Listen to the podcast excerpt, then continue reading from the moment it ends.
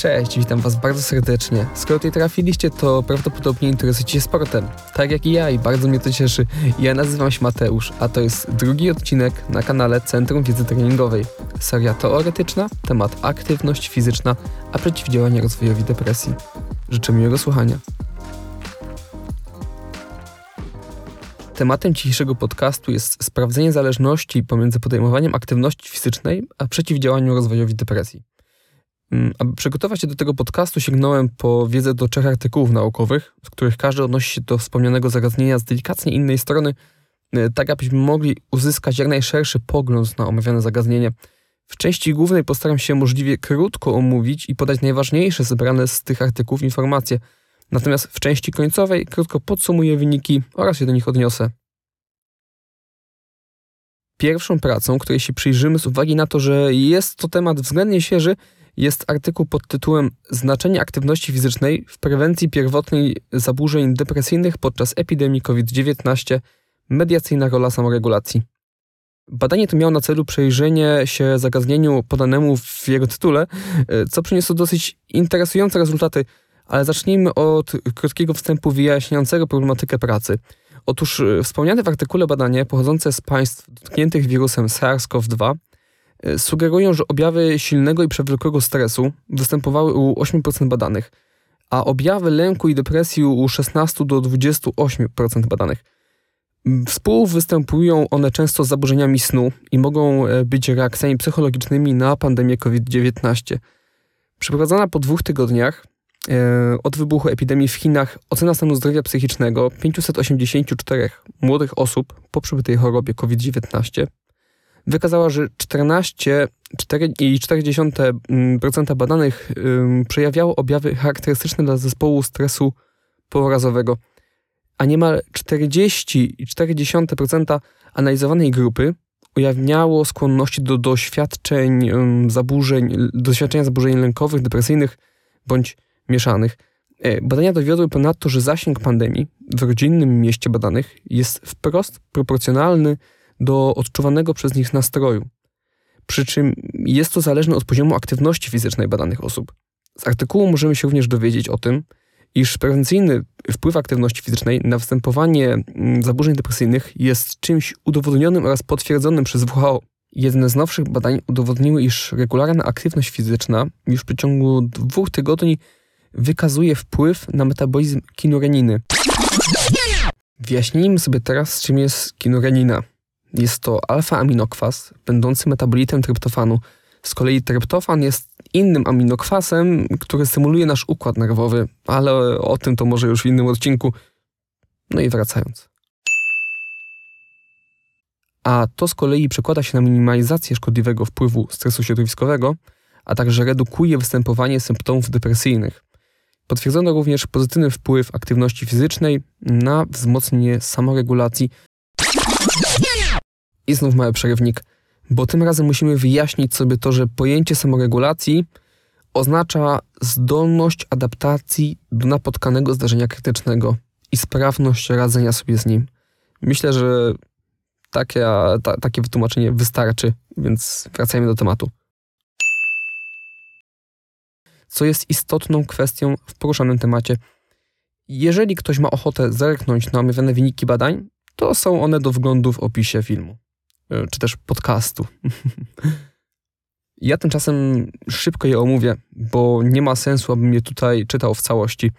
A więc z uzyskanych danych wynika, że aktywność fizyczna przeciętnie wprost proporcjonalnie wiąże się z samoregulacją, a także silnie ujemnie z nasileniem symptomów typowych dla zaburzeń depresyjnych oraz przeciętnie odwrotnie proporcjonalnie z poczuciem winy i napięciem lękowym oraz objawami psychosomatycznymi i spadkiem zainteresowań.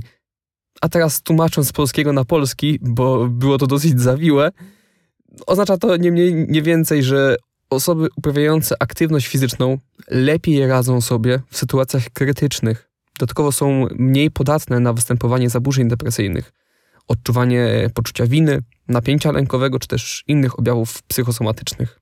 No i dobrze, z nami pierwszy dosyć nowy artykuł, bo z 2020 roku A teraz przejdziemy sobie do omówienia drugiego artykułu pod tytułem Physical Activity in the Prevention and Treatment of Anxiety and Depression. Tłumacząc na polski, jest to tytuł Aktywność fizyczna w profilaktyce i leczeniu lęku oraz depresji.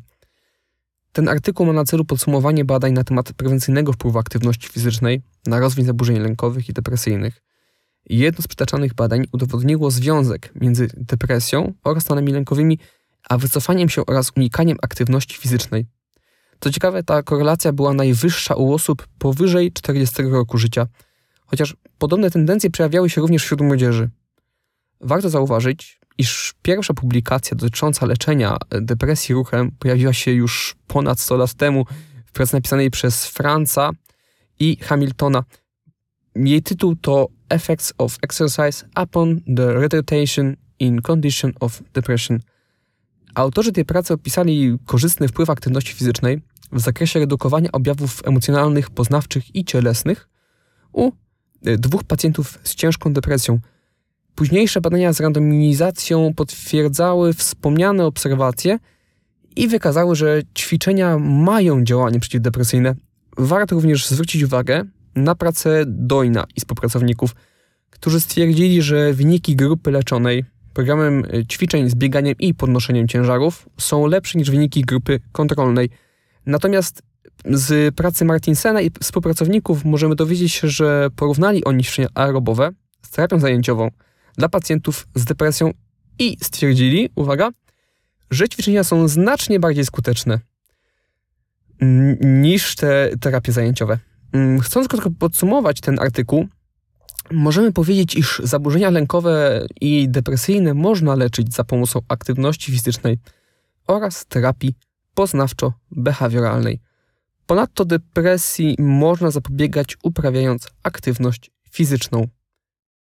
No jako taką wisienkę na torcie zostawiłem nam tutaj systematyczny przegląd badań, który myślę, że fajnie podsumuje ten odcinek.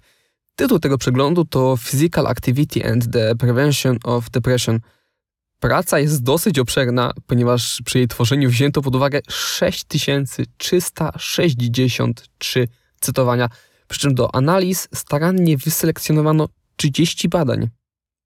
No, ale o tej staranności zostaliśmy poinformowani przez autorów Mm, więc musimy im zaufać na słowo. Mam nadzieję, że, że jednak e, przyłożyli się do tego, mieli dobre intencje przecież.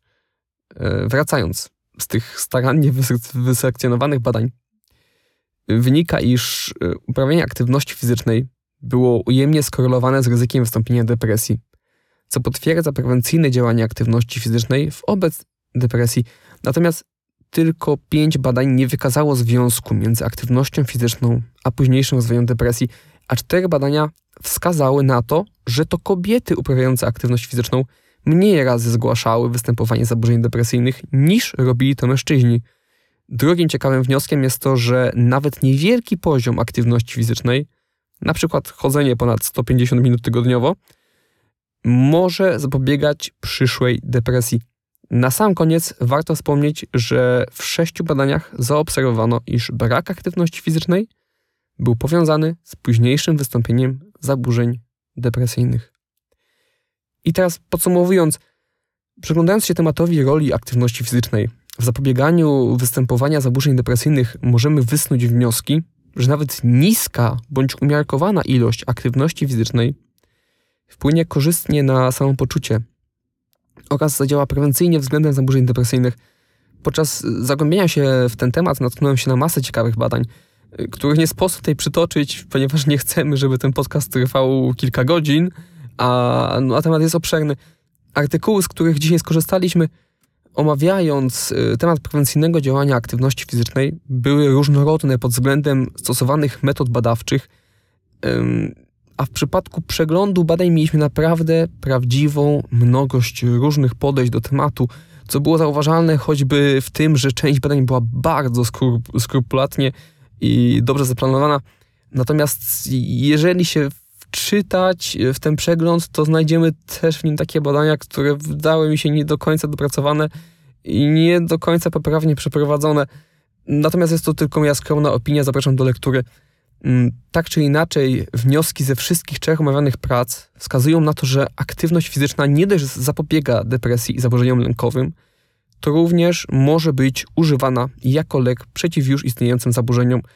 Oczywiście najlepszy efekt może być uzyskany poprzez połączenie aktywności fizycznej z jednoczesną terapią behawioralną. No i udało nam się podsumować ten odcinek, więc pozostaje mi już tylko zapowiedzieć tematyczny rozkład jazdy na najbliższe trzy tygodnie. Y, a więc przyszłe tematy to mm, pierwszy temat prawdziwa pandemia hipokinezji. Temat drugi wpływ aktywności fizycznej na zdrowie fizyczne organizmu. I tutaj postaram się odnieść y, w tym temacie, w tym odcinku do wszystkich układów ludzkiego, ludzkiego ciała. Mm, istnieje jednak szansa, że powstanie kilka mini odcinków, w których omówię wpływ aktywności fizycznej na pojedyncze układy organizmu ludzkiego, no ale to już wyjdzie w praniu.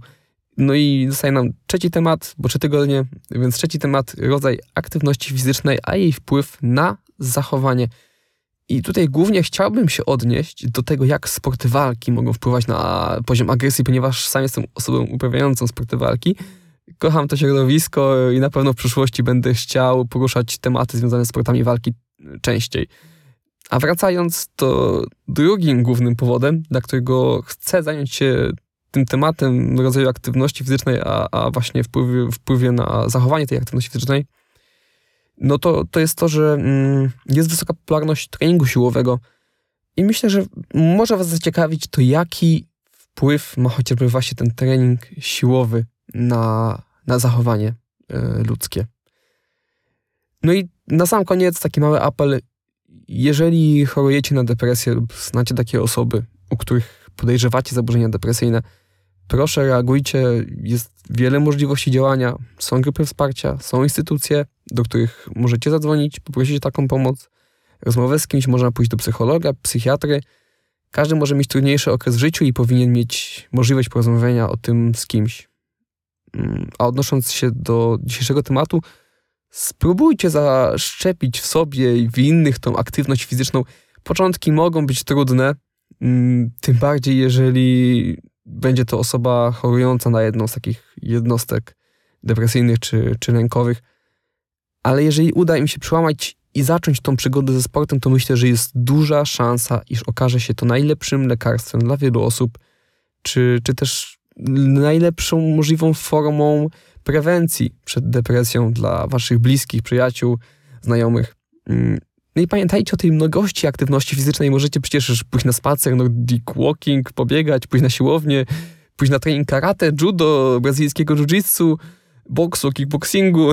Można iść pływać, grać w squasha, w palanta, w tenisa, nie wiem, czy jeździć na deskorolce, snowboardzie. No nieskoń- jest tak naprawdę taka nieskończoność możliwości. To cudowne czasy pod względem rekreacji ruchowej, bo naprawdę tych, tych możliwości jest tak ogromna ilość.